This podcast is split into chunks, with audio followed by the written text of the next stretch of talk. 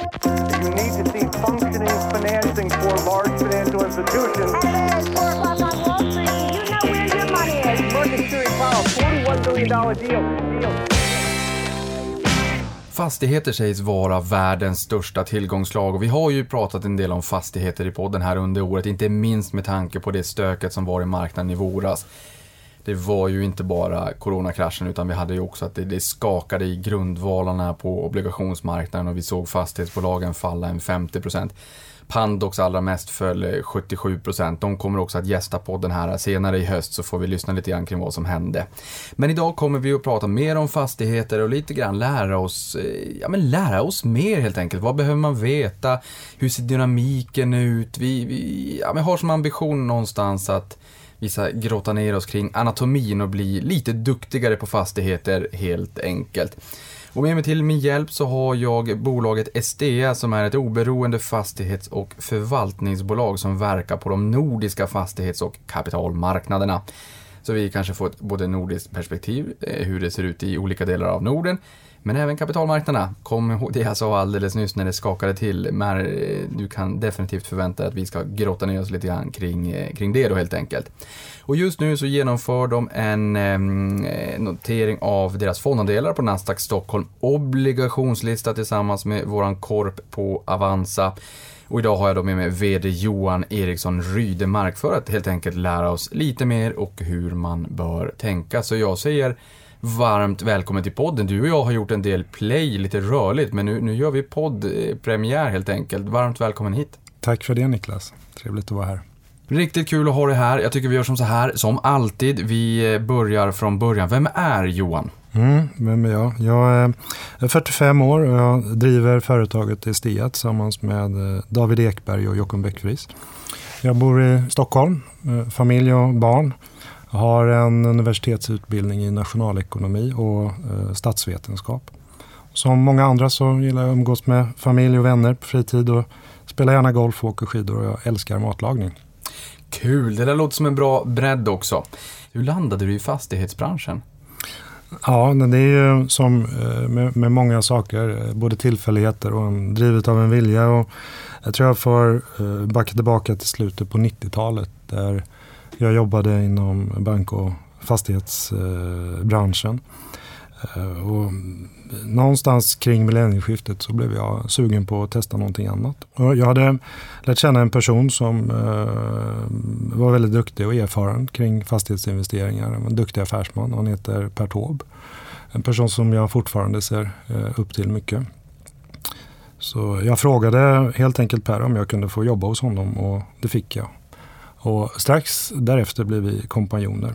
Och vid denna tidpunkt, eh, ungefär 2002, så hade vi ett mindre engagemang i ett bolag som, som ägde några fastigheter som, som vi tyckte att vi borde kunna göra någonting bättre med. Uh, och det var också då jag lärde känna uh, vår nuvarande styrelseordförande som heter Jockum Bäckfris. Och Jockum hade många spännande idéer på hur vi kunde förvärva fastigheter i konsortieform eller fondliknande upplägg. Eh, och det här blev jag helt tänd på. Det här kändes ju nytt och eh, väldigt spännande. Eh, och det där sammantaget är då grunden till det som idag är Stia. Och jag blev VD och Jockum blev ordförande i det här företaget. Ja, men det låter ju som en, en intressant story. Ni är alla kvar i bolaget? Ja, vi är i princip eh, kvar allihopa. Vi har, eh, jag och, och eh, Jockum och David har köpt ut några tidigare delägare. Och men, men jag tror företaget i grund och botten är ju, är ju detsamma. Affärsidén från första början var väldigt enkel. Det, vi bjöd in olika investerare från våra olika nätverk och kunna vara med och investera i våra fastigheter. Och, Eh, vi skulle göra jobbet med förvärv och drift och förvaltning och investerarna stod för kapitalet. Eh, och vår målsättning var att efter några års förvaltning så skulle vi sälja fastigheterna och hoppades på en bra vinst. Så att vi därigenom kunde betala tillbaka kapitalet till våra investerare. Eh, och gick det bra så fick vi en del av vinsten. Men det är inte jobbigt att sälja fastigheter. Jag tänker om man, om man liksom kärar ner sig i fastigheter. Eh, och om man känner att det här beståndet är väldigt trevligt men vi kanske så som vår affärsmodell ser ut i framtiden måste göra en exit och sälja beståndet för att kunna stänga en fond och betala tillbaka till investerarna och sen är vi på bollen igen och, och gör någonting nytt. Det kanske man, man kanske ser spänningen och tjusningen i att få starta något nytt och fräscht och någonting nytt att se fram emot när, när det är dags att ta nästa, att vända blad så att säga. Men kan du någon gång få ont i magen för att ni har byggt upp ett, ett bestånd och kära ner det lite grann och så, så vet du att det måste säljas eh, eh ja, en bit in på framtiden så att säga. Mm, ja, jag, jag, förstår vad du menar men jag, jag, tror man får försöka vara ganska rationell i sitt, eh, sina investeringar och hur, hur, man ser på, på framtida eventuella avvecklingar. Och eh, jag tror väl det här är någonting som vi har också utvecklat genom åren för att från, från början eh, under våra första år så var ju fastighetsmarknaden och fastighetsbranschen inte alls lika utvecklad som den var eh, idag. Det fanns inte överhuvudtaget så många fonder i Sverige på eh, i mitten på 2000-talet. Och, eh, det, det, var sämre likviditet kring fastigheter. Det, det, är klart att för att våra investerare vid den här tidpunkten skulle få tillbaka sitt kapital så, så byggde vår affär väldigt mycket på att vi vid någon given framtida tidpunkt avyttrar våra fastigheter. Men jag tänker, för du, du pratar ju här i, i början om eh, 90-talet. Jag tror att i alla fall i Sverige, fastighetsmarknaden är ju global självfallet. Ni håller er i Norden i alla fall i dagsläget. Men globalt eh, vet jag inte hur 90-talet var. Men, men, i Sverige var det väldigt jobbigt. Vi hade ju finans och fastighetskrisen 92-93 där va. Eh, och där, redan där var du eh, inne i marknaden kring millennieskiftet så intresserade dig för det här. Kom in botten 2002 efter en, en, en lång och jobbig IT-krasch som var under 947 dagar. Den var väldigt lång. Hur är marknaden idag i förhållande till om du blickar tillbaka till, till 90-talet när du fortfarande ändå då verkade i branschen och kanske strax efter millennieskiftet när, när det här drog igång? Vad har hänt under den här perioden? Både 90-tal men även när ni, sen ni drog igång. Ja, jag tror man ska ge ett lite perspektiv på när jag började min egen karriär eh, var i mitten, slutet på 90-talet i, i finans och fastighetsbranschen så, så var det egentligen fortsatt ganska tuffa tider från eh, finans och fastighetskrisen då kring 92. Eh, och det var, det var egentligen ganska utmanande att hitta kapital till investeringar. Banker var väldigt försiktiga. Så att jag upplever att vi vi började eh, verksamheten med Estea i en, jag ska inte säga en tuff period, men det var, det var en eh, helt annan marknad jämfört med idag. Och jag tror att det som är en stor skillnad det är ju att idag är marknaden mer transparent. Vi har eh, väldigt många fler internationella aktörer som, som investerar i, i Sverige. Alltså globala stora fonder och fastighetsbolag. Och det driver då transparens och Eh, det blir i vissa avseenden lättare att förstå prissättning och likviditet och flöden. Ja, men för det här blir jag nyfiken på. För eh, tar vi Stockholmsbörsen så är det väl kanske en, vadå, en bit över 40% av kapitalet i Sverige som ägs av utlänningar. Vi hade ju en annan valutaregim som, ehm, eh, där vi fick en flytande växelkurs efter 92 och 500% ränta i fyra dagar. Vi hade George Soros som bettade mot Sverige. Eh, Eh, och vi hade den här sällskapsresan när vi såg att man la in pengar i ett hårdbrödpaket när man skulle ut på charterresor som boomade på, på 80-talet. För man fick ju inte flytta ut för mycket pengar och anta att man inte heller fick kanske flytta in för mycket pengar som utlänning. Så att egentligen sen dess, det måste ju vara som dag och natt i fastighetsbranschen i Sverige. Jag menar, inte minst när du pratar här om utländska investerare som inte riktigt fanns på den tiden. Nej men, nej, men det är klart att eh, efter den förra fastighetskrisen så med avregleringar så var det ju enklare för internationellt kapital att komma till Sverige. Och, eh, bara det att man kunde eh, göra det skapar väl också en förståelse och mm, man blev intresserad för nya marknader. Och det är väl egentligen tror jag en, en utveckling som har pågått sedan dess. Där det fortsatt är väldigt stort och även idag då stort intresse bland internationella aktörer för, för svenska fastighetsinvesteringar. Men jag tänker eh, innan vi börjar bege oss in på fastighetsmarknaden och nästan allt vi behöver veta om fastighetsmarknaden och fastighetsinvesteringar. Estea, eh, jag tror att mina lyssnare och jag själv är ju van vid eh, noterade fastighetsbolag. Vi är van vid fastighetsfonder. Men ni är ett annat djur. Mm. Varför har ni valt den formen? Berätta, liksom, berätta om er och, och vad är det som skiljer er och, och, varför ni har valt den, den formen. Men från början i, i vår verksamhet så, så jag var väldigt eh, inspirerad av amerikanska fondupplägg. Eh, det som heter Real Estate Investment Trust, förkortat REITs.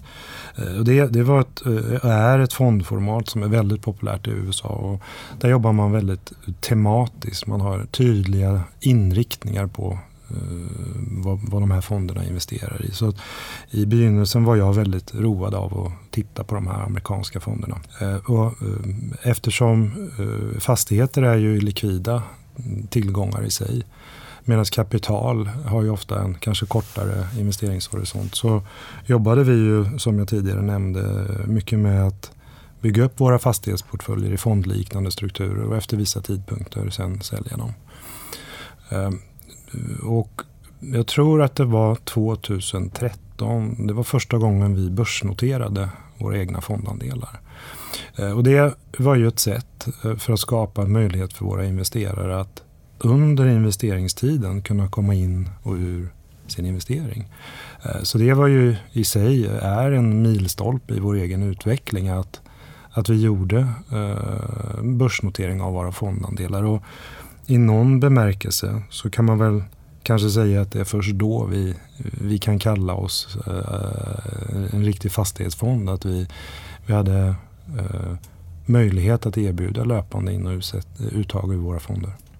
Intressant. Och jag tänker vi, börjar med ett nuläge. Hur mår fastighetsmarknaden där ute just nu? Jag tror generellt så har vi ju ett, ett, ett läge där fastighetsmarknaden styrt av fundamentala faktorer och makroekonomiska faktorer mår bra. Med eh, i grund och botten ett gynnsamt eh, ränte och finansklimat. Eh, det här kan vi ju nu då klä i, i eh, svårigheter runt omkring eh, corona och covid-19. Men i grund och botten så tror jag ju att fastighetsmarknaden, liksom många andra kapitalmarknader, mår bra. Ehm, fastigheter, som vi sa här i inledningen, är ju mig veterligen då världens största tillgångslag och erbjuder ju en bred flora av olika typer av fastigheter. Men eh, du berättade för mig här inledningsvis innan podden att det är inte sällan så att eh, fastigheter ses som ett eh, homogent tillgångslag även fast det är ganska heterogent och det har vi väl kanske inte minst märkt under coronapandemin att handel och kontor, där blev det kanske lite större oro medan vissa andra klarade sig bättre. Kanske samhällsfastigheter, vård och omsorgsfastigheter som vi kommer att, att prata om med en annan typ av, av hyresgäster också såklart. Men hur skulle du definiera fastighetsmarknaden? För någon som inte har riktigt har koll på den. Mm. Eh, alltså, eh, som du säger så det är lätt att betrakta att fastigheter i största allmänhet är ett investeringslag. Och det är det ju, men eh, det vi jobbar med är ju att förstå de olika segmenten i marknaden, de, de olika sektorerna. Och det är ju, om jag ska exemplifiera så gör ju vi som professionella investerare stor skillnad mellan till exempel kontor och bostäder, hotell, logistikfastigheter, eh, Eh, bostäder och, och, så vidare. Så att de, de här olika segmenten, de, mm, man kan säga, de trendar olika. De, de handlas på, med olika riskpremier. De har olika riskprofil. Eh, och eh, för egen del, vi på ST, det, det här är en del i vår strategi att, att, att vid varje tidpunkt förstå eh, de här olika segmenten och Eh, hur de rör sig. Och det, det, det på, I börsspråk brukar man tala om sektorrotationer, det vill säga att vid en tidpunkt kanske eh, verkstad är mer hett än IT-aktier och så vidare. Och precis på samma sätt är det alltså i fastighetsbranschen. Eh, under den här svåra våren vi har haft så, så är det klart att många hotellfastighetsbolag kanske har tuffare förutsättningar än, än tidigare. Likaså kanske handelsfastigheter i någon bemärkelse. Och hur skulle du då säga att risken och potentialen ser ut i de här eh, olika segmenten? Jag tror att de som lyssnar på det här ganska intuitivt förstår att hotell har varit liksom nära stormens öga under coronapandemin. Många har ställt om, lånat ut personal, ehm, erbjuder långtidsboende eh, på hotellrum så att de ändå får in och håller sig flytande. Men risk och potential i de här olika segmenten, är det något som du vill lyfta ut lite extra? Men även geografisk mix, det kanske inte är lika hett i Boden som i, som i Stockholm. Eh, tidigare sa du att man kanske mera tittade på um, olika typer av fastigheter. Nu kanske lite större inslag av- av tematiska trender och storytelling. Det kommer vi att komma in på lite senare. Men just risk och potential i de olika segmenterna. Ja, alltså de, de olika segmenten i fastighetsbranschen, de, de har ju alla olika så att säga, risk och avkastning. Där man traditionellt sett brukar betrakta bostäder och kanske samhällsfastigheter förknippat med en, en, en lägre risk, en defensiv investering. Medan eh, industrifastigheter, eh, utvecklingsfastigheter har en högre risk och kräver högre avkastning. Och det som påverkar den här prissättningen det är ju bland annat yttre faktorer. Och du nämner eh, då coronapandemin och svårigheter för, för hotell bland annat. Och det, det sker ganska snabba justeringar av, av priser på, på fastighetsmarknaden. Och eh, I sig härligt då var kapital från investerare vill flytta sig. Och i, I orostider då tenderar ju kapitalet till att flyttas till mer säkra investeringar, mer defensiva investeringar. Tittar vi på coronapandemin så har ju inte det eh, hittills utlöst någon fullskalig finanskris.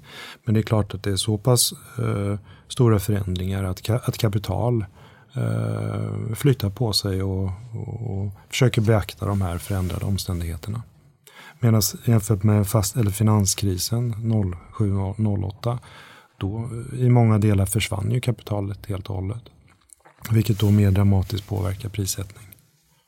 Ja, det förstår man verkligen om det är så att kapitalet försvinner. men men eh, vilket segment växer kraftigast just nu och vilket segment tror du kanske har störst potential framåt? Och vart hittar man den bästa riskjusterade avkastningen?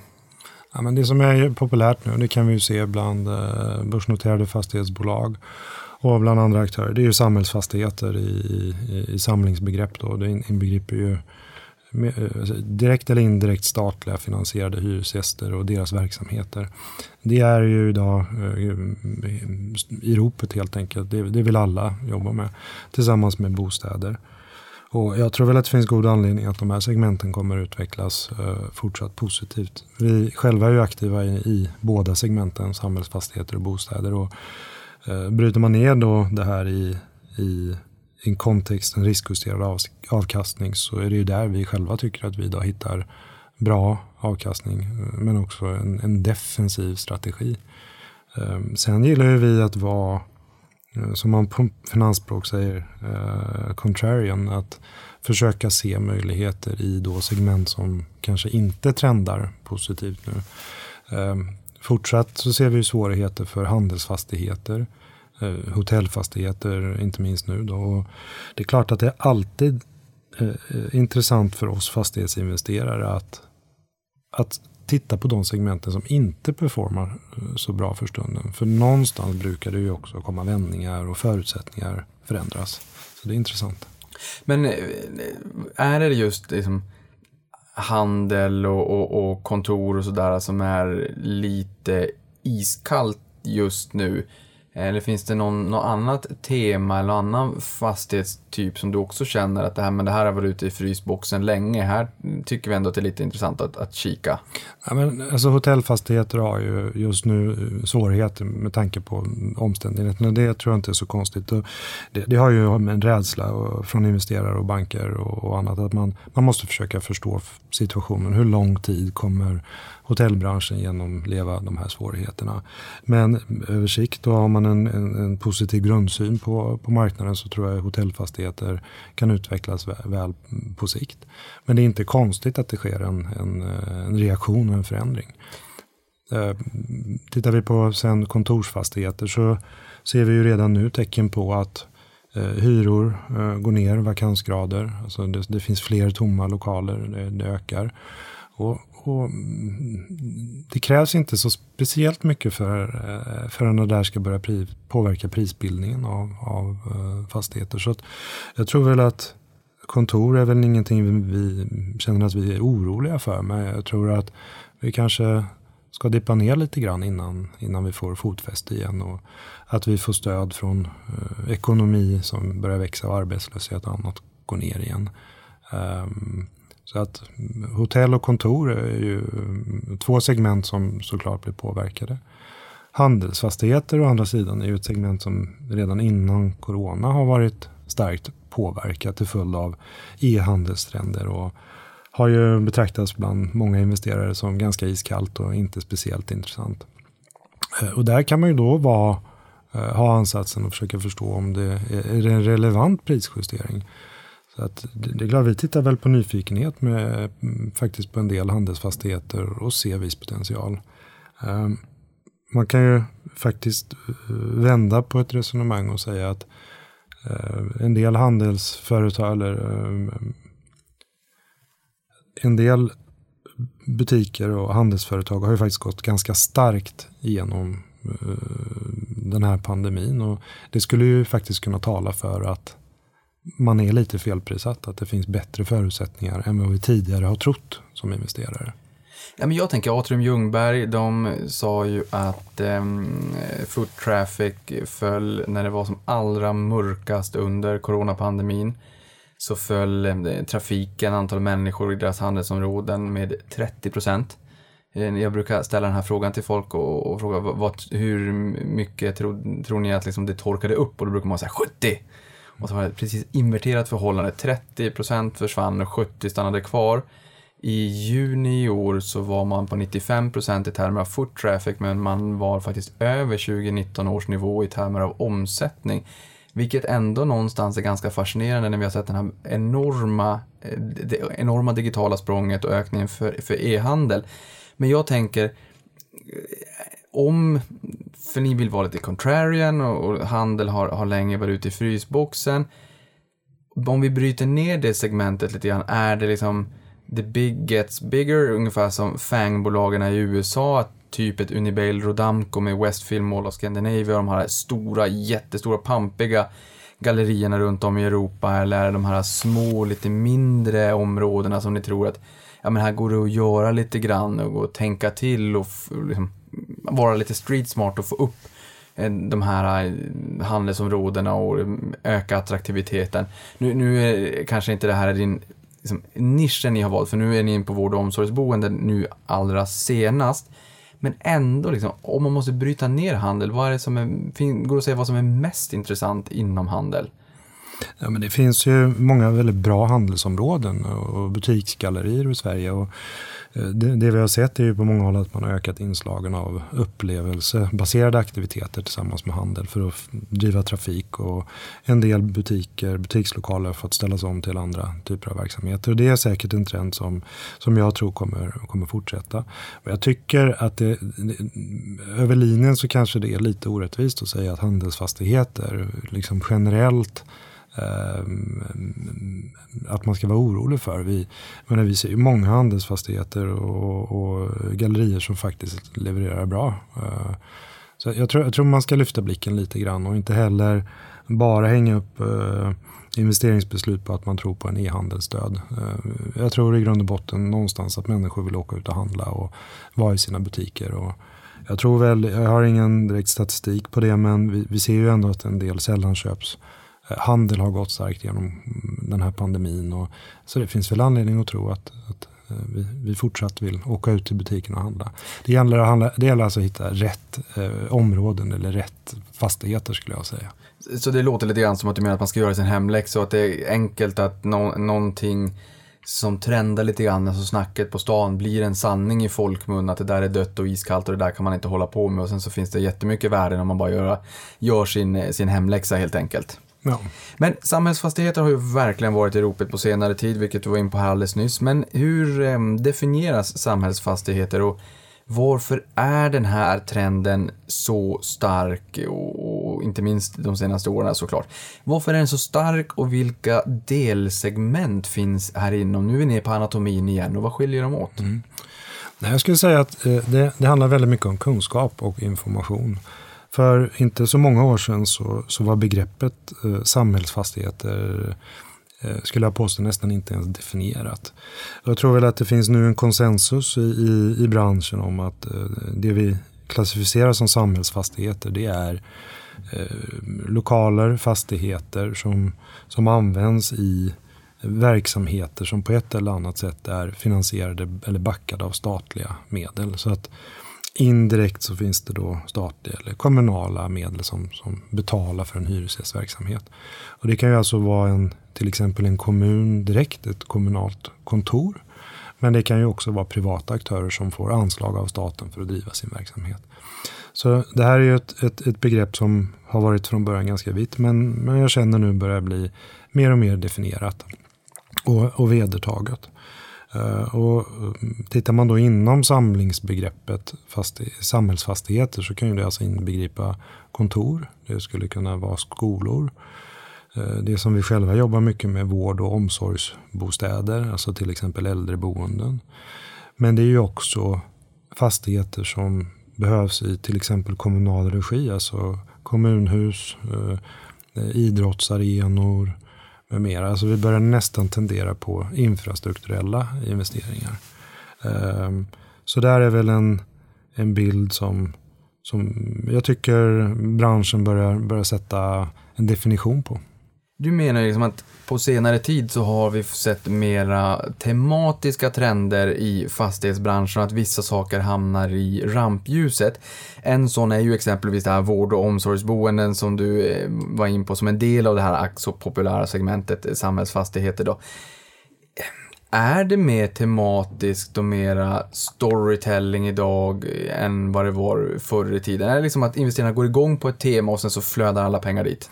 Ja, det skulle jag säga definitivt är så. att Många fastigheter behöver en, en, en egen story för att eh, göra skillnad mellan andra eh, konkurrerande aktörer. Och, eh, min uppfattning är att även investerare gillar eh, det här att man kan få en tydlig inriktning i, i, i var pengarna jobbar och så vidare. Så att i det avseendet så skulle jag påstå att det är idag mycket mer tematiska investeringsstrukturer i den svenska fastighetsmarknaden. På 20-talet eller så när vi startade, då, då var det mer homogent att man investerade i, i fastigheter i största allmänhet. Och det var de stora bolagen, till exempel Kungsleden som var börsnoterat. Man ägde fastigheter. Och, eh, i, idag är det, eh, det, det, det uppdelat mycket tydligare. Nej, men för, för det är lite grann jag tänker på. Typiska begrepp som vi har hört är business to consumer, kanske konsumentrelaterade produkter, de känner vi till, vi konsumerar dem som privatpersoner. Och sen är det business to business, det kan vara någon leverantör av IT-prylar och nätverksladdar och allt sånt där. Och det kanske man som privatperson inte känner till lika väl i och med att man inte riktigt, ja men det, det är inte jag som handlar där utan det är kanske mitt företag och de företagen, dess varumärken är inte lika starka för mig så att säga. Här känns det lite grann samma sak för att det var ett stort underskott av bostäder i Sverige och sen produceras det jättemycket nyproduktion, det blev en våt filt och sen så vart det ett överutbud från 2017 och som har levt med oss här ett tag. Men nu är ni ju in på vård och omsorgsfastigheter. Ni mm. tycker att det här är spännande. Det är det här jag menar med business to business. När jag går in på Hemnet så kommer jag inte förstå hur, hur marknaden för, för äldreboenden ser ut om det finns ett över eller ett underskott. Och jag går inte in och tittar på, på Hemnet flera gånger i veckan och ser vad det är för vård och omsorgsfastigheter ute. Och de finns ju inte ens där. Men det är ju ett underskott där också. Det gäller ju inte bara på bostäder, det gäller ju även här och vi blir bara äldre och äldre. Kan du berätta lite grann om de här spännande trenderna och demografin som ligger till grund till varför ni tycker att det här segmentet är så pass intressant som vad det är? Och måla upp bilder för oss så att vi, börjar, så att vi förstår att det finns vissa utmaningar här också som ni försöker adressera. Mm. Det här är ju ett strikt tematiskt tema, just äldre och, och vårdbostäder omsorgsbostäder. Och eh, för, för egen del i det vi gör så måste vi i varje inriktning, varje tema vi startar upp och investerar i så måste vi ha en, en fundamental grundanalys. Det vill säga vi måste tro på den här inriktningen. Och det är ju då byggt av till exempel makroekonomiska förutsättningar eller utbud och efterfrågesituationer eller likviditet i marknaden. Tittar vi just på eh, vård och omsorgssegmentet en, en av huvudanledningarna varför vi tycker att det här är spännande är att vi har ett stort underskott av platser för, för, för äldre. Eh, I Sverige blir vi idag äldre. Vi blir allt fler som blir över 80 år. Och, eh, tittar vi på demografi och studier kring det så de kommande 8-10 åren så kommer åldersgruppen över 80 år öka med nästan 50 procent. Och det i sig då sätter och ställer krav på att det finns och att vi i Sverige kan försörja eh, våra äldre med boenden. Och där har vi ett underskott idag. Och där har vi den fundamentala grundanalysen. Vi tror, vi är övertygade om att det finns ett underskott och det i sig då ger stöd för att det här är ett segment vi kan investera i. Vi ser alltså en, en stor tillväxtmöjlighet. Sätter vi om, eller omsätter där i, i fastighetssammanhang så kan man säga att det, under de kommande ungefär 5, 6, 7 åren så eh, beräknas vi ha ett underskott på mellan 500 och 600 äldreboenden i Sverige. Och det är klart att det här är stora volymer eh, och, och eh, i sammanhanget enorma investeringar som krävs för att kunna tillfylla, tillgodose det här behovet, kommande behovet. Det är det vi i grund och botten investerar i, att vi vill vara med och kunna förvärva befintliga tillgångar, eh, fastigheter, men också kunna uppföra och bygga nya. Det, för, det jag blir lite nyfiken på där då, det är ju att i och med att det här underskottet finns och det verkar ju uppenbarligen bara bli större och demografin eh, ser till att det blir större om vi inte liksom bygger rätt mycket nytt.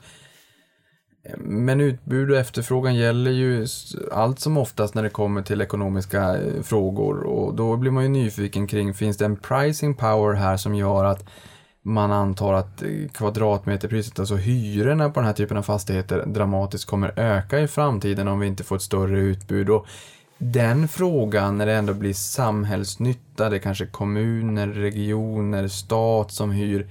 Hur mycket pricing power finns det? Finns det en politisk aspekt, dimension, risk, balansgång eh, vad gäller hyressättningen där? Mm, eh, men, eh, du kan ju ta, om, om vi tittar på uh, den svenska hyreslagstiftningen. Där har vi ju en reglering kring hyror på, alltså på bostäder. Där kan inte hyrorna hur som helst sättas.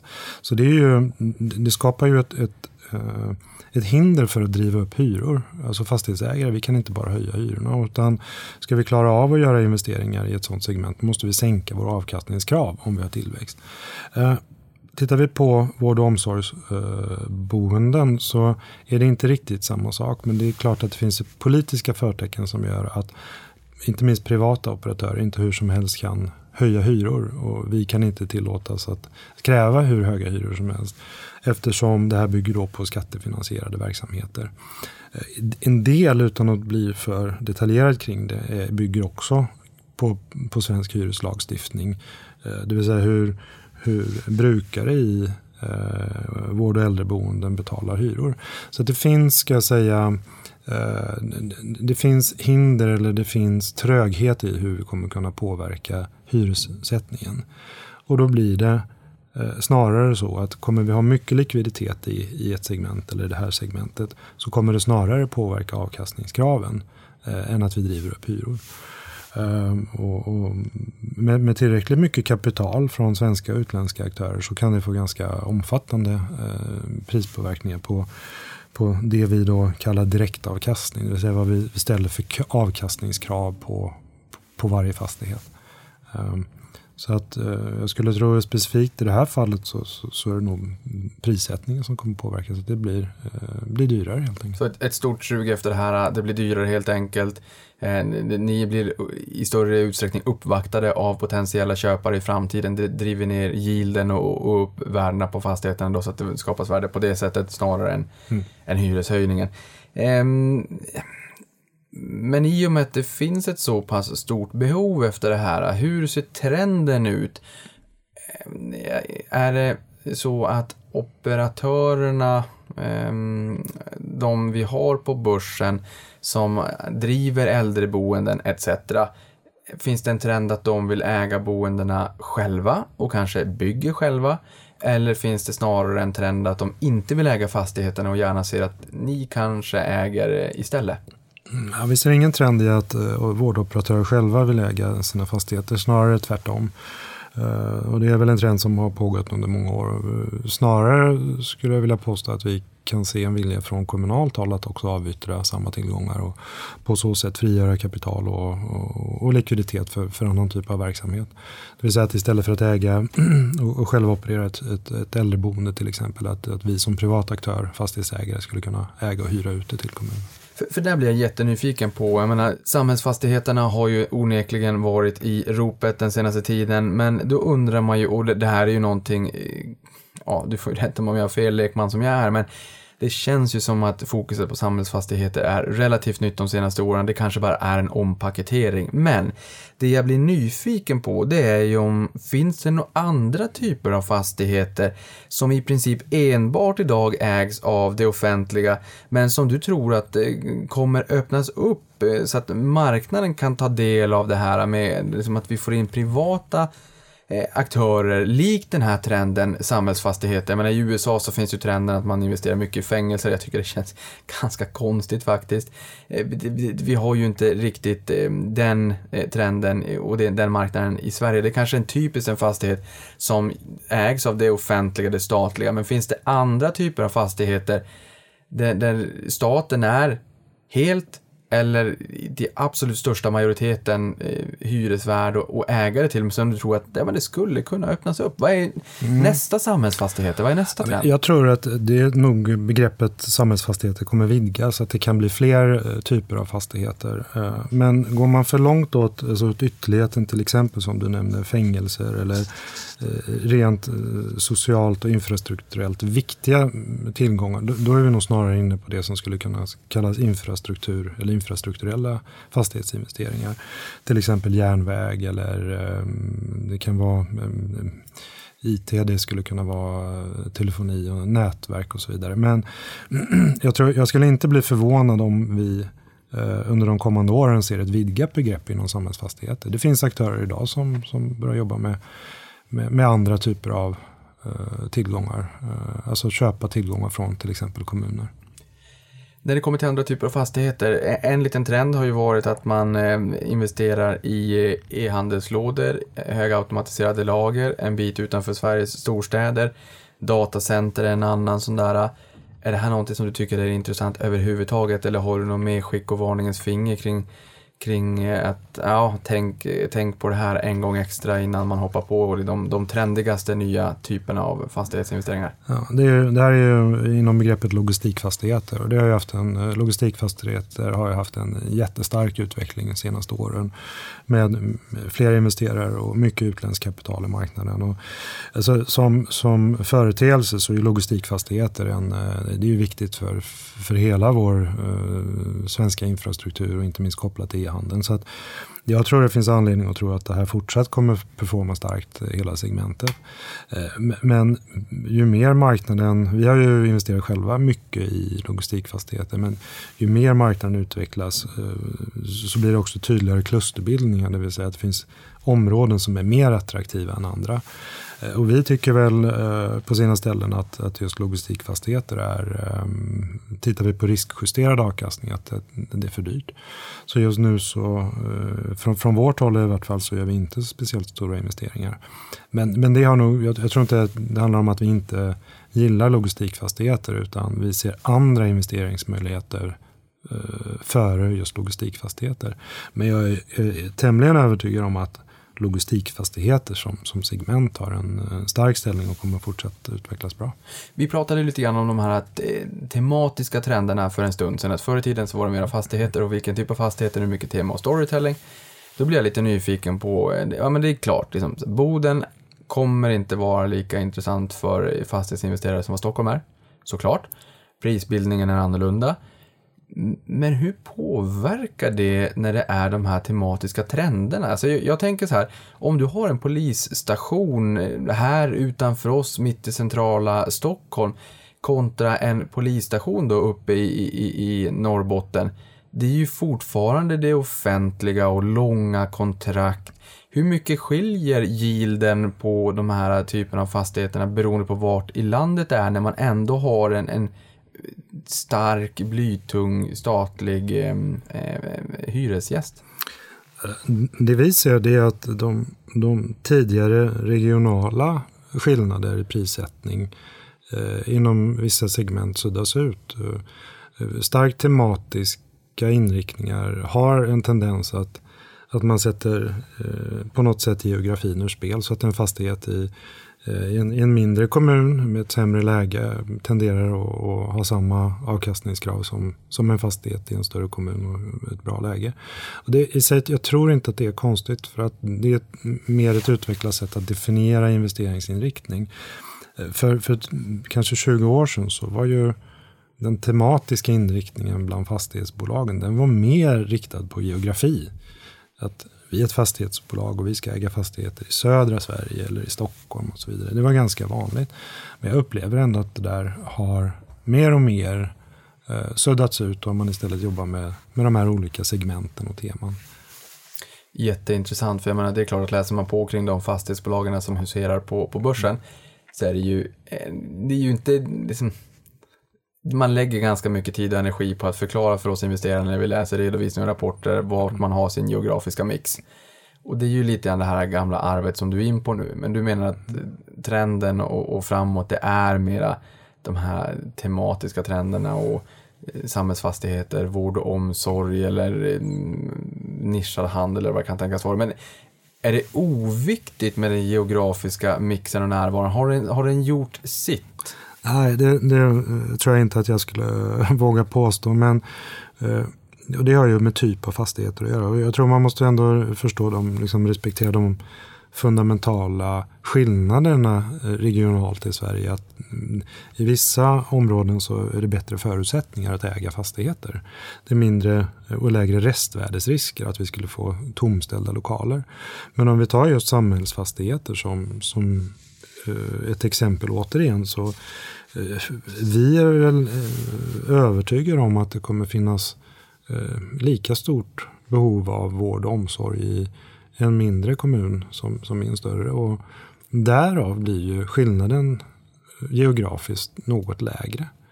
Men skulle du ställa samma fråga för en kontorsfastighet, ja då har vi fortsatt de regionala och geografiska skillnaderna på förutsättningar. Varför man ska prissätta den typen av fastigheter annorlunda. Ja men det där är intressant och det är klart jag som kommer från en mindre ort också, jag vet att det finns ju en viss utflykt, sen, utflykt, utflyttning.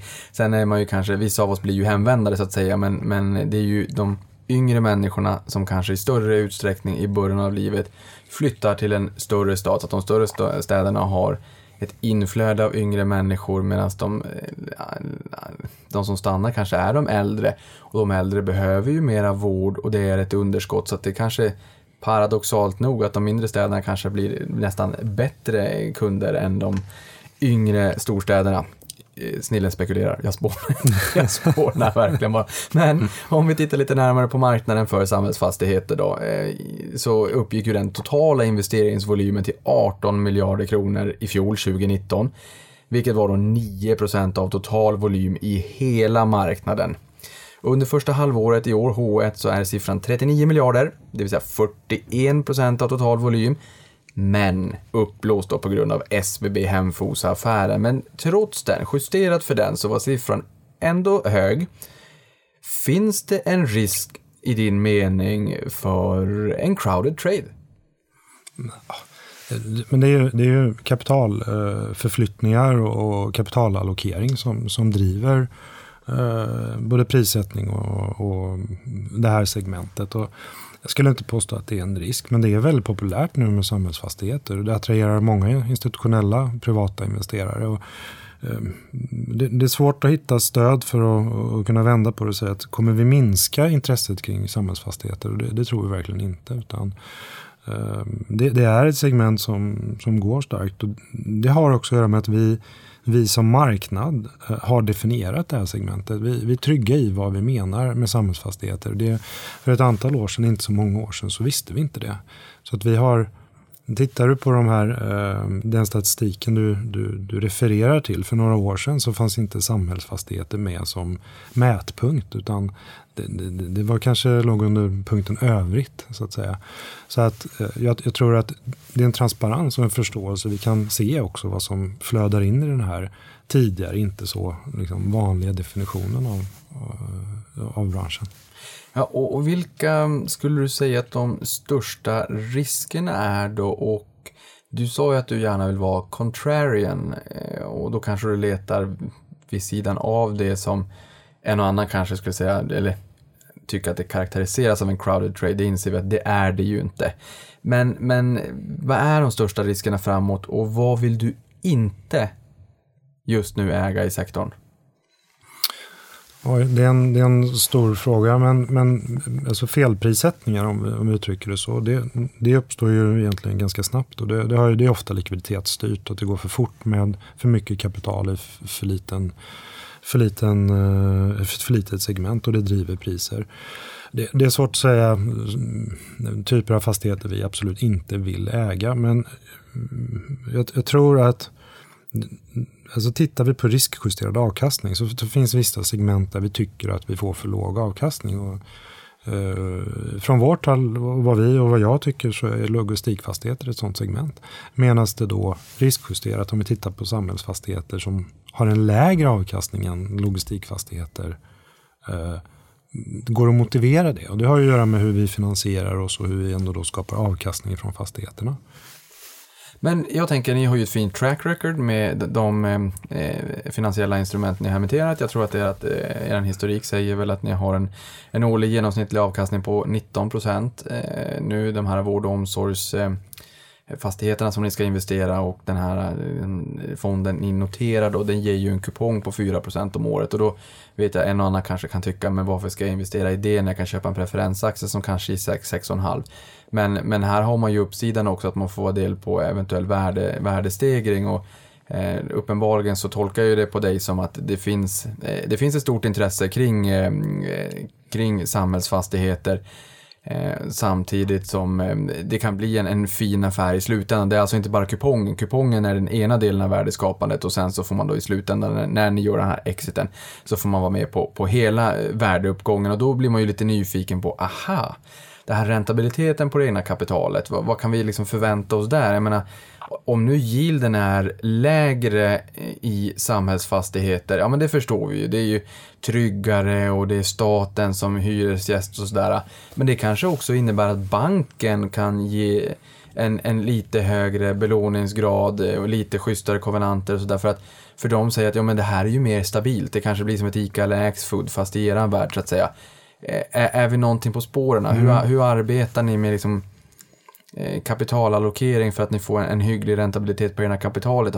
Kan ni eh, belåna eh, fastigheterna lite mera i och med att de är inom citationstecken lite tryggare så att en, en lägre yield ändå kan ge en väldigt eh, trevlig räntabilitet på eget kapital? Ja, men, men låt mig förklara lite, för du är inne på precis eh, på det sättet vi jobbar. Och det är eh, samhällsfastigheter eh, och vård och omsorgsbostäder. Det kan vi betrakta som en defensiv strategi. Det, det är defensiva investeringar och de har lägre avkastningskrav. Erbjuder lägre avkastning jämfört med andra typer av fastigheter. Men samtidigt får vi med de banker vi jobbar eh, bättre eh, finansieringsvillkor med lägre marginaler. Om man vill kan man gå lite högre upp i belåningsgrad som, som då påverkar avkastning. Så att sammantaget om vi tittar på ett, vad vi då tycker kanske det mest defensiva segmentet tillsammans med bostäder så är vår ambition och målsättning att vi från där vi är idag kunna eh, generera en årlig avkastning på ungefär 8-9 procent från det här segmentet som, som vi tycker väl då står i paritet till den underliggande risk vi tar. Och du nämner jag vill bara kommentera det för du nämnde de här 4 procenten. Eh, det, det är från den fonden vi, eh, vi börsnoterar våra fondandelar just nu. Och eh, det är för att vi sätter en, en kupong på själva fondandelen som där vi använder kassaflödet i fonden och distribuerar ut det. Det är ju likt en utdelning från som ett börsnoterat fastighetsbolag. Men det är ju alltså inte likställt med tron på vilken avkastning vi kommer skapa utan den är ju högre än de 4 procenten. Ja, men jag tycker att det där är en bra poäng därför att preferensaktier passar ju inte riktigt i en, i en långsiktig portfölj. What you see is what you get. De ger en, en kupong och sen så beroende på hur aktiekursen står, då är det den direktavkastning du får. Det blir varken mer eller mindre och du blir squeezad både om eh, räntan stiger och om inflationen stiger. Nu har jag en, en preferensaktieportfölj, min amorteringsportfölj förvisso, men, men man ska nog tänka att totalavkastningen blir inte mycket högre än den kupongen man får. I det här fallet så har ni kupongen på 4% likt, det är, det är ju strax faktiskt över direktavkastningen på, på Stockholmsbörsen i snitt nu när börserna stiger lite grann. Eh, så den får man från er likt en utdelning då, plus att ni förväntar er ett mycket högre värdeskapande, 8-9 procent. Eh, och, och ert historiska track record ligger ju högre än så. Men det är ju såklart ingen garanti för framtiden. Men jag tänker preferensaktier. Det har ju varit ett populärt sätt att finansiera den sista delen av köpeskillingen och ändå få liksom vacken i slutändan eller den genomsnittliga finansieringskostnaden att ändå bli så pass mycket lägre i förhållande till yielden man får på fastigheten man köper så att man ändå blir kassaflödespositiv. Jag menar, eh, säg att du lånar till 70% av en fastighet, eh, det kanske du tycker är hög belåningsgrad i och för sig, men 70 procent till, till 3 procents bankränta och de sista 30 procenten emitterar du preffar för 7 procent. Eh, och, ja, men då blir ju vacken 4,2 procent och så köper man en fastighet som gillar 6 procent kanske. Då är du kassaflödespositiv. Hur, hur ser du på liksom, trenden kring preferensaktier och D-aktier för eh, för att finansiera den här sista biten. Alltså jag är väldigt nyfiken på din bild. Det är ju många fastighetsbolag som håller på med det här och preferensaktier har bytts ut på löpande band till D-aktier för att det inte likställs med en, med en hybrid utan det blir eget kapital, man kan få upp sina kreditbetyg och sådär. Det har varit en, en trend på senare tid att få ner finansieringskostnaden. Johan, preferensaktier och D-aktier, vad är din take på det tillgångslaget? Tillgångslagen? Nej, men det har ju varit eh, två, det är fortsatt populära och vedertagna investerings eller finansieringskällor ska jag säga. Och Ja, det finns väl ingen anledning att, att tro att det där ändras i, i stort. Och det, man har etablerat det här på marknaden. Det, det är ju också en relativt ny företeelse om man uttrycker det så. För tio år sedan fanns det väl inte en enda preferensaktie så vitt jag vet. Um, så att jag, jag tror, men, men, vad man ska vara, eh, den kontexten jag ser det i utifrån min egen verksamhet, det är ju att det här är ju finansierings, finansiella instrument som blir eh, snabbt påverkad av eh, det finansklimatet. Om vi tittar i våras så var ju till exempel obligationsmarknaden helt iskall. Där man var väldigt försiktig och blev rädd för eh, effekterna av coronapandemin. Och utan att egentligen veta så, så tycker jag väl ändå att det, det, finns en viss kortsiktighet i hur man finansierar sig med preferensaktier. Eh, att det handlar om mer en, en riskaptit och investeringsvilja bland, bland investerare för stunden. Eh, och jag tycker ändå det är viktigt i sammanhanget, vilket ibland kommer, eh, kommer bort, att det är det här är ju eget kapital, precis som vilket annat eget kapital som helst egentligen. Och, eh, vad man då ska fråga sig tycker jag, det är ju vilken avkastning man begär på, på ett eget kapital. Uh, där tycker jag väl i, i, det är inte i alla fall där det är helt transparent vad man faktiskt får för avkastning på, på den faktiska underliggande risken. Nu blev jag bara lite nyfiken där på, på vilken avkastning man begär. Investerar du alla dina slantar i det här eller har du också liksom aktier och fonder? Jag hoppas du har aktier och fonder för jag tycker det är fantastiskt kul men du verkar liksom väldigt insnöad och verkligen brinner för det här, vilket är bra för du är ju rätt man på rätt plats. Men är, är det all in det här eller finns det lite aktier och fonder?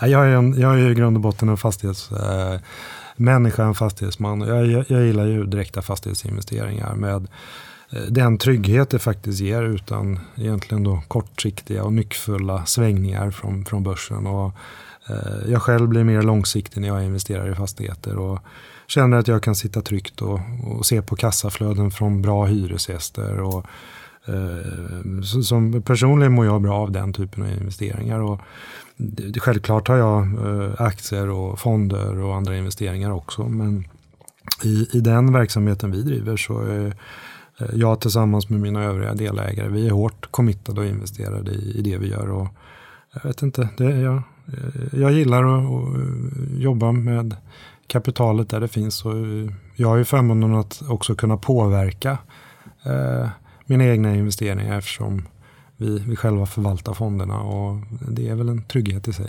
Ja, det är ju verkligen en trygghet i sig. Du är ju definitivt väldigt operativ i dina investeringar. Här får man väl också säga, du sa att du var inne redan i branschen på 90-talet. Hans Wallenstam på Wallenstam har ju också precis gett ut en bok som också reflekterar kring skeendet under finans och fastighetskrisen på 90-talet. Jag har inte läst den alldeles nyligen, kom bara för någon dag sedan. Eh, så den där får man väl också läsa lite grann om man vill förkovra sig lite mer kring fastighetsmarknaden. Ja, eh, vi var in på obligationsmarknaden. Om vi börjar där då, vad, ehm, det skakade till rejält i våras, den sattes väl ur spel, det var liksom eh, systemkritiskt, den, den fungerade inte. Det är liksom en bananrepublik. Jag menar, det, in, finansiell infrastruktur är oerhört viktigt. Då kan folk tycka, men det där är väl bolagens problem, det bryr väl inte jag mig om. Men om bolagen inte kan, kan finansiera sig och inte kan verka, och då, då, det drabbar liksom personalen och, och, oss alla, hela samhället i slutändan. Så det, det, det, liksom, det är en så oerhört viktig kritisk infrastruktur. Det är som, det är som E4, mm. eller som Arlanda. Och nu har vi fått en rapport också. Riksbanken betalade ju Blackrock som världens största kapitalförvaltare. De skrev en rapport kring, kring svenska obligationsmarknaden och Riksbanken hade väl sin bild ändå. Och de menar på att den är dysfunktionell och satt ur spel och den funkar inte. Eh, ja, det är klart att den funkar. Den funkar mm. inte i våras. Vad var din bild av våren? Vi måste ändå recapa det lite grann. Var du förvånad? Tycker du att vi kan göra saker och ting bättre? Vad har liksom... eller så här, jag ska ställa en öppen fråga. Vad är dina reflektioner från, från vårens eh, stök på obligationsmarknaden? Um, egentligen i grund och botten är jag nog inte alls förvånad över de starka reaktioner som, som vi såg på finansmarknaden. Vi har sett det förut och jag, jag tror att det kanske inte heller är onaturligt att det sker uh, i, i, uh, i turbulenta tider. Eh, det vi vet som, som fastighetsinvesterare det är ju att kapitalet går mycket, mycket snabbare än, än förändringar i våra fastigheter.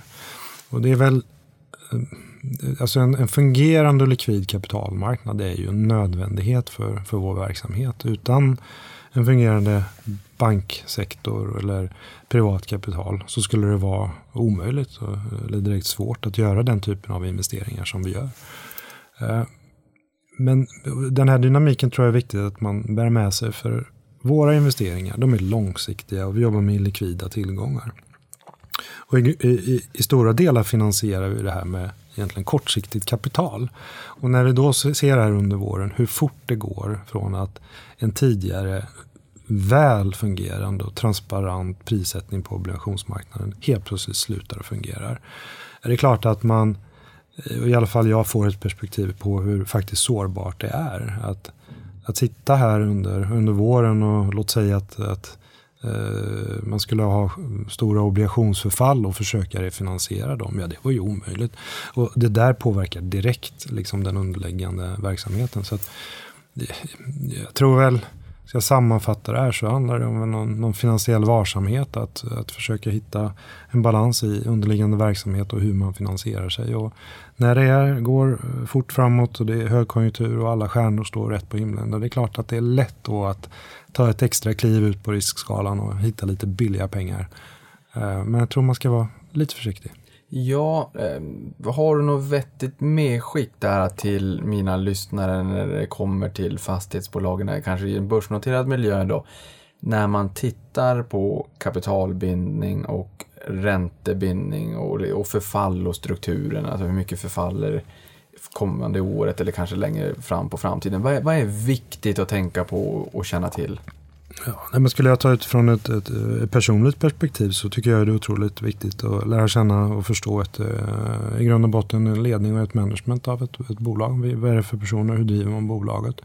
Skulle jag titta och själv investera i en obligation då vill jag veta var i riskskalan i balansräkningen den ligger. Är det en liten obligation i ett stort bolag som ger en vettig ränta så är väl det en fin investering. Det behöver inte alls vara något dumt med det. Men alltså, åt andra hållet en, eh, en förhållandevis stor obligation, eh, kanske hög ränta som ska locka om jag uttrycker så. Och eh, en mer oprövad grundaffärsidé. Men det är klart att då skulle jag nog själv vara mer eh, försiktig. Jag skulle inte vara lika trygg i den investeringen. Men det är, det är ju som med allt risk och avkastning. Det är klart man lockas då av den här höga obligationsräntan och det här kanske funkar. Men mm, det, vi, har, vi har ändå sett det förr. Det går fort när det, när det vänder.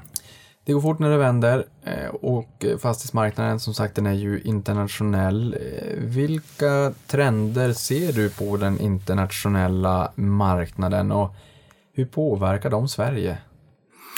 I Sverige så vi påverkas genom framförallt in, in och utflöden av kapital från, från internationella aktörer. Vi, eh, vi själva jobbar med, eh, med utländska investerare. Vi har bland annat eh, fått förtroendet att förvalta kapital åt en av världens största fastighetsinvesterare som heter CBRE Global Investors.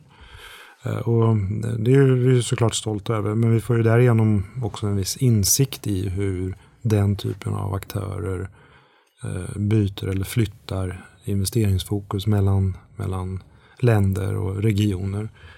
Eh, vi är lokala och vi kan tycka om eh, en regionstad eller eh, Stockholm och Göteborg och Malmö. Men den här typen av aktörer kan snabbt komma fram till att Norden eller Europa eller USA vad det kan vara är mer eller mindre intressant. Och det är stora pengar vi, vi talar om. Så det är klart att det kan påverka eh, både prissättning och aktivitet på en marknad.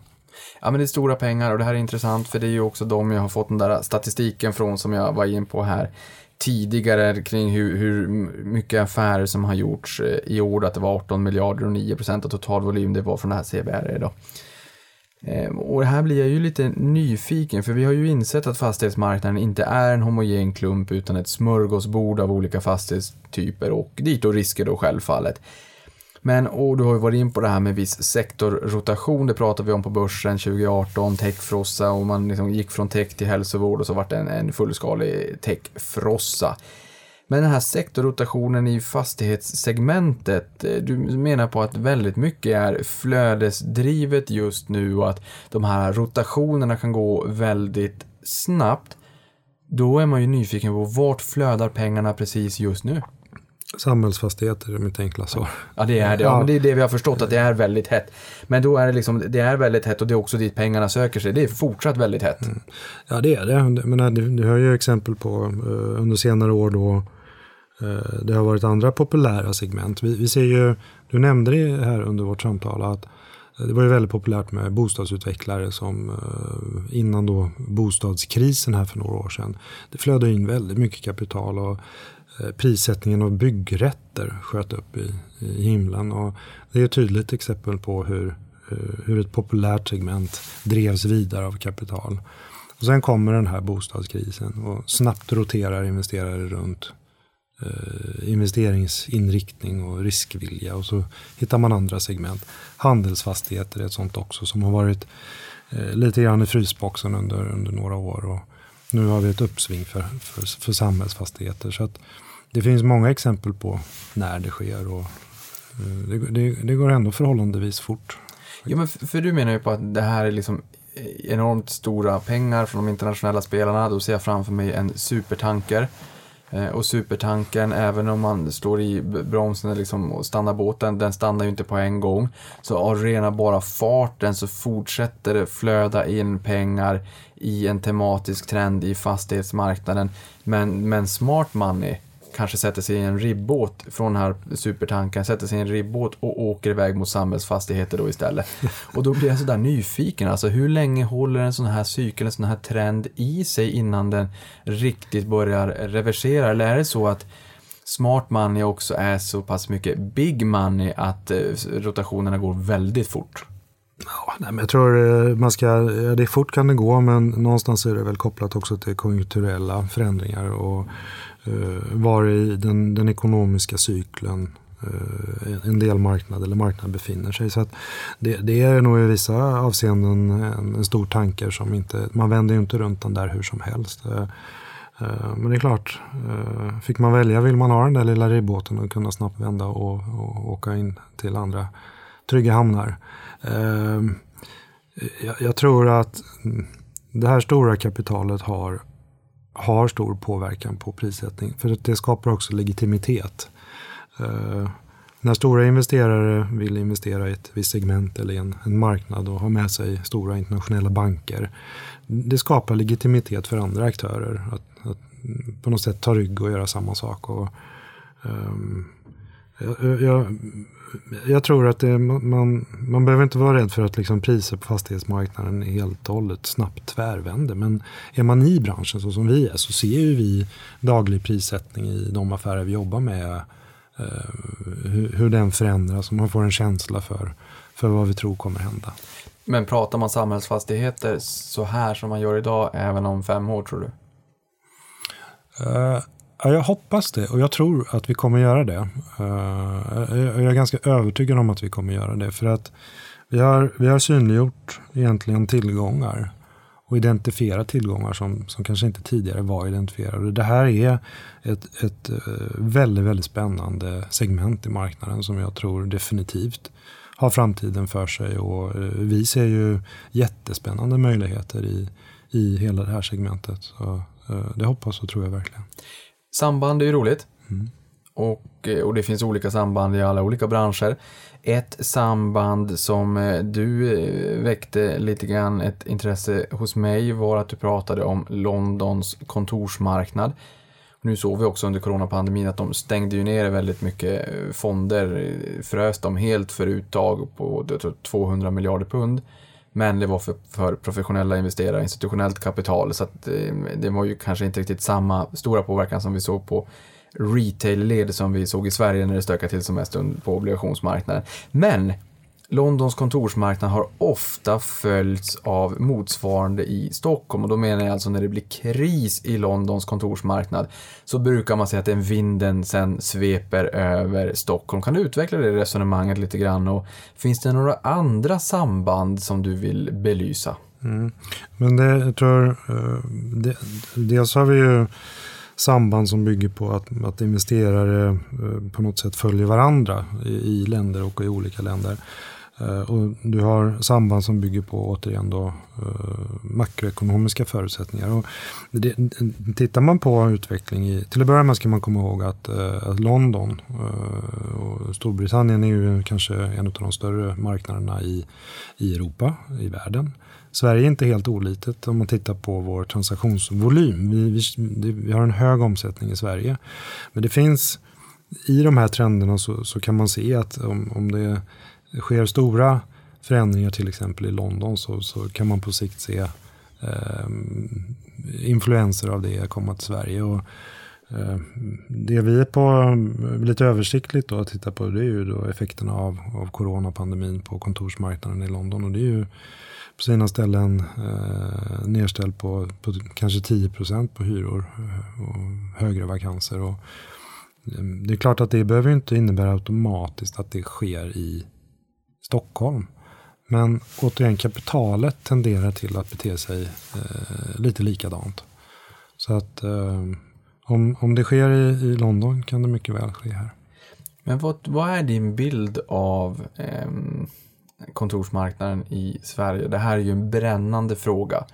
Vi har också sett, jag menar huvudstaden exempelvis som har de absolut finaste fastigheterna på monopolbrädet. Eh, nu, nu, köpte jag Monopol på mitt Playstation och jag spelar någon gång om året. Eh, jag har inte, jag har inte så mycket tid, min näsan är i börsterminalen. Men då köpte jag eh, Monopol digitalt, det var på engelska. Och då saknade jag alla svenska gator, så jag köpte fel, fel, rätt spel på fel språk. Så det var, inga, det var inte huvudstadens fastigheter i spelet. Men det är ju fantastiska lägen, fastigheter. De får ofta kritik för att de har för låg belåningsgrad. Eh, men är marknaden för bäsad när det kommer till fastigheter, handel och att man tror att man i stor utsträckning kommer jobba hemifrån och sådär. Instämmer du i den kören? Ja, ja. Eh, både ja och nej. Det är kanske ett konstigt svar. Men jag tror det som händer nu det är osäkerhet. O osäkerhet, då, då stannar investeringsmarknaden. Man stannar upp, man vill försöka förstå. Uh, och, och, så tycker man nu att kontorsfastigheter kanske har sämre utsikter. Det kan mycket väl vara så att det är, är så att vi med en lågkonjunktur, uh, försämrade förutsättningar för företag att fatta beslut om nya lokaler eller driva sin verksamhet kommer påverka kontorsmarknaden. Men kontexten och det vi gör det är ju att våra investeringar är ju vanligen långa. Det är ju kanske, och för inte minst börsnoterade bolag, det kan ju vara decennier och till och med århundraden framåt. Sätter du det i sådana sammanhang så vågar jag nog tro att det vi upplever nu, de svårigheterna till följd av coronapandemin över tid kommer att ses som en, en, en bump eh, och ett hack i kurvan och vi kommer återgå till någon eh, normalitet. Samtidigt så, så, tror jag att man kan utveckla och påverka innehållet i kontorsfastigheter. Det skulle kunna till exempel innebära att eh, det byggs in trygghetslösningar i kontorsfastigheter där man en medvetenhet kring distanstagande mellan eh, kollegor. Eh, det kanske byggs in, inte vet jag, jag sitter här och egentligen chansar, men att man, man har trygghetsslussar och lite sånt här. Så att jag tror vi kommer under alla omständigheter lära av, någon, av det vi ser nu och det vi upplever. Men att det fundamentalt ska påverka uh, vår, vår framtida sätt att arbeta. Jag tycker det är väldigt svårt att komma till någon slutsats kring det. Och det spekuleras väldigt, väldigt mycket om det här. Uh, jag, jag, tycker det är på tok för tidigt att säga om, om det här är en långsiktig trend och som förändrar vårt sätt att, eh, att arbeta i kontorslokaler. Det får framtiden utvisa. På tok för tidigt. Jag kan bara liksom återkoppla, eller jag tänker i alla fall på det här som, som Atrium Ljungberg då sa att eh, foot traffic föll 30 procent och alla som jag frågar gissar på 70 procent. Fabege är ett annat bolag som, som bygger mycket kontorsyta, eh, kontorslokaler såklart. Nästan all kontorsyta i Stockholm finns eh, på norra sidan, nästan ingenting på södra sidan, men det är ungefär 50-50 man bor på södra norra sidan bland de som bor i Stockholm. Så man bygger mycket där, inte minst Flemingsberg. Nu har Fabege börja återköpa aktier eh, och de är inte ensamma om att återköpa aktier. Då håller vi tummarna och hoppas på att det är bra återköp också, för vi har sett andra bolag som återköper på toppnivåer. Så att du äger aktier som faller och sen har de i sin tur återköpt aktier som också faller. Det blir dubbeljobbigt, men, men jag tolkar det på dig som att det kan ändå vara ganska intressant att göra sin hemläxa kring fastigheter just nu. De har inte återhämtat sig som resten av bolagen på börsen att åtminstone ta en kopp kaffe på, på, eh, till helgen, sätta sig ner och fundera lite grann. Det är inte dumt. Nej, men jag tror det är, det är inte konstigt att, eh, att om vi tar de här bolagen som har mycket kontorsfastigheter, att de blir påverkade. För återigen, det är osäkerheten och det vet vi allihopa att vi som investerare, vi, vi gillar inte det. Och, men ibland får man ta ett kliv åt sidan och titta lite utifrån och kanske ta en liten paus i det man gör. Och, är man positivt eh, lagd, har en, en, tro på framtiden så eh, har ju saker och ting en, en förmåga att ordna upp sig. Det, det, är svårt att tro i finanskrisen när det var som mörkast och det var inte kul. Och, eh, Likaså i det vi upplevt under våren. Så, eh, man visste ju inte om det var helt avgrundslöst eller eh, inte fanns några framtida möjligheter. Men jag tror väl att eh, samlat så har man en, en tro på framtiden så kan man nog reda ut det mesta. Någonting annat som inte är roligt det är ju eh, de här massiva flödena som omallokeras för det innebär att det kan bli lite crowded där ute när ni ska köpa fastigheter och det är klart att en ökad efterfrågan driver upp priserna och det driver ner yielden. Eh, och då undrar man hur, eh, eller jag undrar, hur, hur mycket har den här, den här förnyade kärleken för samhällsfastigheter gjort att många, både svenska spelare men även internationella spelare, armbågas i den här sektorn. Jag menar, har det drivit upp priserna så pass att vi börjar se att yielder kryper ner? Börjar det bli liksom... Har jaktmarkerna dränerats på de saftigaste yield-casen där ute? No. Alltså det, det finns eh, fastigheter som vi ser eh, och portföljer som prisas upp. Och det är klart att det är en, det är en positiv eh, pristrend som just nu pågår. Men eh, jag tror väl att eh, alla, alla, professionella investerare vill ju inte heller vara man vill ju inte stå där och hela tiden betala dyrast och driva priserna framåt. Utan det finns ju... Nej, det är, ett jobbigt, det är ett jobbigt rekord att hålla. Det är inte det ja. roligaste på fredagskvällen att gå hem. Men, men, samtidigt, ibland måste man ju vara där. Att betala de höga priserna för att fundamentalt och tro på det man gör och, och våga ta en ett bett på, eh, på, en, på en viss portfölj eller en viss fastighet. Men eh, jag tror inte att det har, inte så att det har sprungit iväg någonstans. Och det, det finns också andra sätt att kompensera för, för lite högre priser. Till exempel genom nyproduktion, att man själv i egen regi uppför byggnader där vi får lite bättre avkastning. Och, i hur stor utsträckning gör det det? Hur, hur, hur jobbigt är det? Hur mycket energi dränerar en sån inte särskilt eh, jobbigt om man uttrycker det så. Utan det är ju snarare ledtider för att identifiera mark och säkerställa hyresavtal med, med hyresgäster. Och det är plan och bygglovsprocesser som kan ta tid. Så att eh, väl det på plats så är ju själva eh, produktionsfasen i sig inte någon, någon, någon stor utmaning om man har rätt organisation och, och, och rätt laguppställning. Men jag vet ju att ni har ju byggt tidigare. Ja. Och, och ni har ju inte någon, någon liksom ni har ju inte de kollegorna in-house så att säga, för det är ju inte er main business, utan då går ni, ni går ut på stan och handlar upp eh, den, jag vet inte vad man kallar det, min, min, min bror är platschef, han kommer skälla på mig när han lyssnar på det här. entreprenad? Ja. Total entreprenad? Han behöver inte skälla på det. Det är, nej, det är rätt. Vi, vi handlar upp då med, eh, om vi, om vi har ett projekt eller en, eh, en fastighet vi vill bygga till eller om vi vill bygga en helt, uppföra en helt ny byggnad. Då tar vi fram koncept och, och med duktiga arkitekter eh, konceptualiserar det vi, det vi vill göra. Och sen handlar vi upp då, eh, det här på, på entreprenad genom, genom eh, externa byggbolag. Och som du nämner så kan det ske på totalentreprenad. Att vi, vi handlar upp ett bygge och får ett fast pris för det. Och det ger ju oss som investerare och ägare en trygghet i att vi, vi vet ungefär vad det kommer att kosta och vad vi beställer. Men för, ni har ju gjort det här förut, Mm. men risken i bygg är ju mycket större. Ja. Så att jag menar, det, det borde ju också innebära att, att avkastningen på sånt här projekt från ax till limpa, från ritbord till, till nyckelfärdigt, är ju ganska hygglig. Vilken typ av, av avkastning är det man, man räknar med när man, när man bygger nytt själv? Ja, men det, det är också lite olika beroende på var i Sverige man är och typ av, av tillgång. Eh, men vi får ju en, eh, en extra avkastning eller ersättning för den risk vi tar när vi bygger. Och det är ju att eh, byggprocesser drar ut på tiden eller någonting oförutsett händer. Och det ska vi ha lite extra avkastning på. Ehm, och tittar vi själva på just i, inom vård och omsorgssegmentet så, så kan vi hitta upp till 100 punkter, alltså ungefär en procentenhet extra direktavkastning eller yield då, Eh, vilket i sig har ganska stor påverkan. Ehm, så att eh, vi, vi, man, man, man och vi får betalt idag för, att- för att uppföra byggnader i egen regi. Men, oh, jag, jag måste bara ställa en följdfråga här. Jag menar, hur stor skillnad är det liksom per byggkostnad per kvadratmeter, totikostnad med bygglov, detaljplaner och allt vad det är i förhållande till marknadsvärde på de här? Jag menar, det måste ju ändå vara en 20 plus procent eller någonting när- när man bygger som är i- räntabiliteten på det investerade kapitalet. Mm.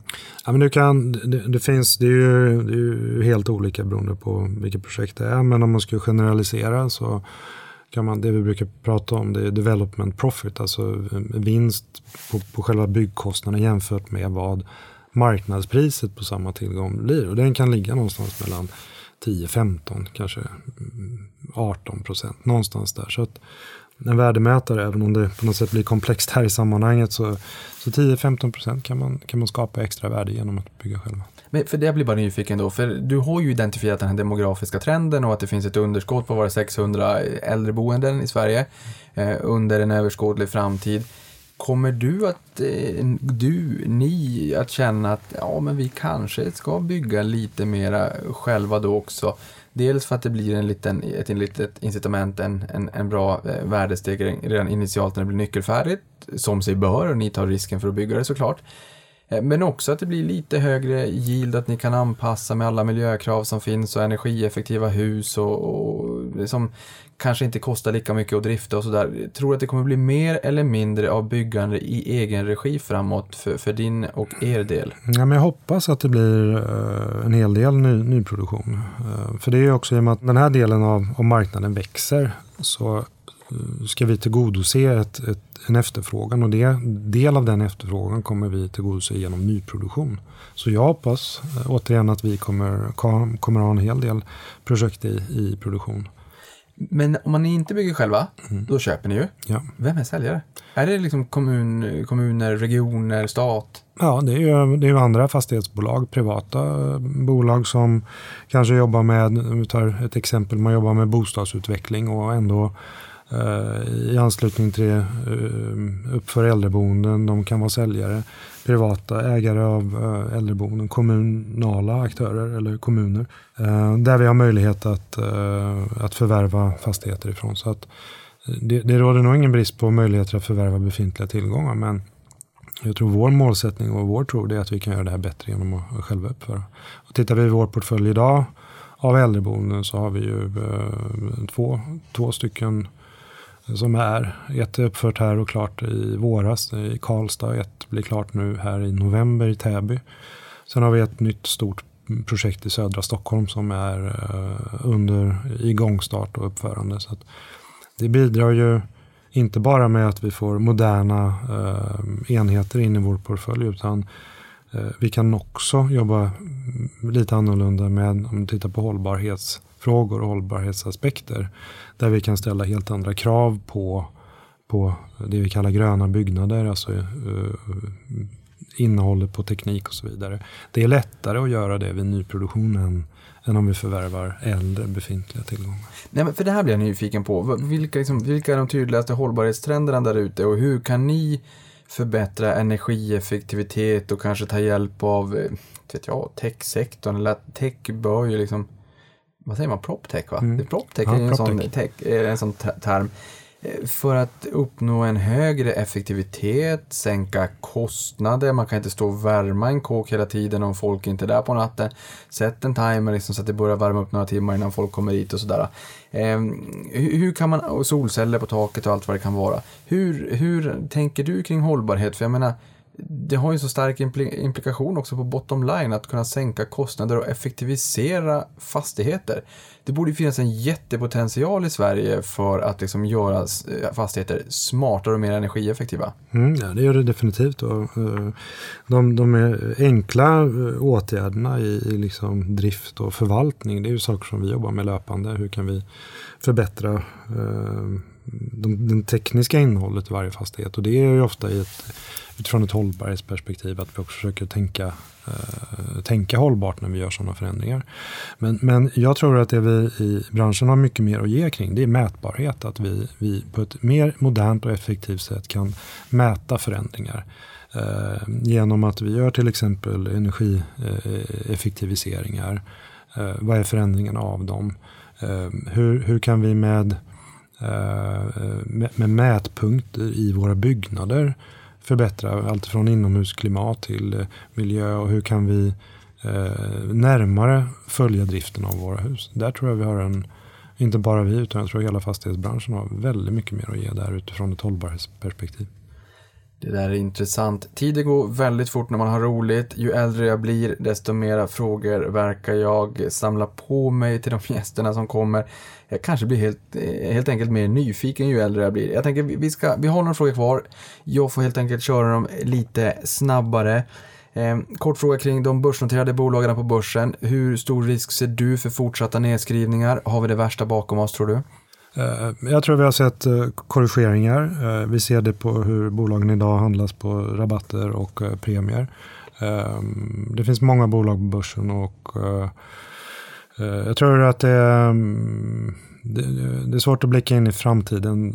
Jag ska inte säga om vad jag tror om börskurser men, men att det här kan öppna för konsolideringar eller Eh, på annat sätt en förändrad eh, bild bland de noterade bolagen eh, skulle jag inte bli förvånad att se. Vilka är dina bästa tips för den som lyssnar på det här och känner att de någon gång skulle vilja gå i dina fotspår eller bygga upp ett eget fastighetsbestånd? Och, och vad skulle du tipsa dig själv om om du backar tillbaka till begynnelsen? Vad har du lärt dig som du kanske inte visste då? Men, mm, var dedikerad till det du gör och våga tro på eh, dina investeringar. Eh, för att klara av det så eh, underskatta aldrig vikten av bra nätverk runt omkring dig själv.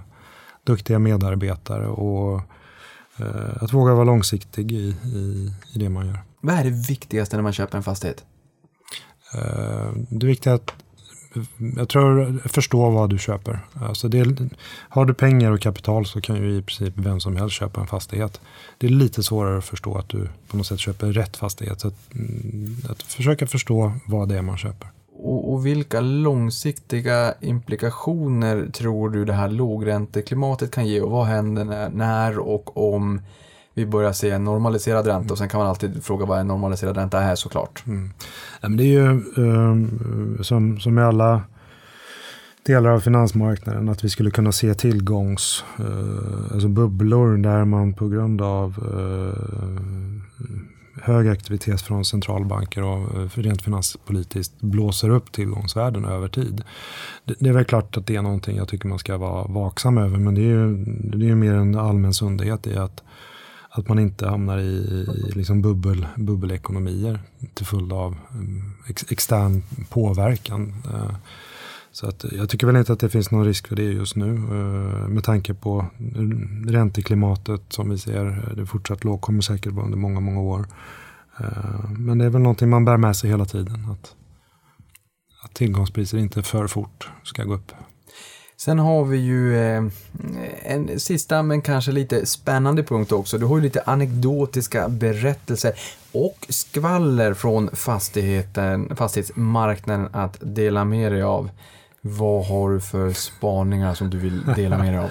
Ja, det här skvaller, jag vet inte. Ja, Ja, nu, nu, nu är vi väldigt, vi, vi, liksom, nu blir vi förväntansfulla. ja, eh, nej, jag tror inte att det, men nej, det är en, det är en dynamik i fastighetsbranschen som är, som är kul. Det är ju, det är ju många aktörer, det är en helt imperfekt prissättning. En, en fastighet är ju två aktörer sinsemellan som kommer överens om vad som är det rätta priset. Och, Eh, ja, det, det är klart att det finns många affärer där ute som man känner till som eh, är, är skapade på en, en pappersnäsduk på eh, någon restaurang någonstans. Och ibland kan det gå väldigt fort. Och, därmed inte sagt att det är fel, men det, jag, jag tror vi kan lämna det kanske till möjligen ett nytt avsnitt i, i ett nytt samtal, en ny podd. Men det, det är klart att det finns många spännande och både uppseendeväckande men också roliga affärer som, som har gjorts genom åren och som man kan blicka tillbaka på och tycka, fundera på hur gick det där till och, och så vidare.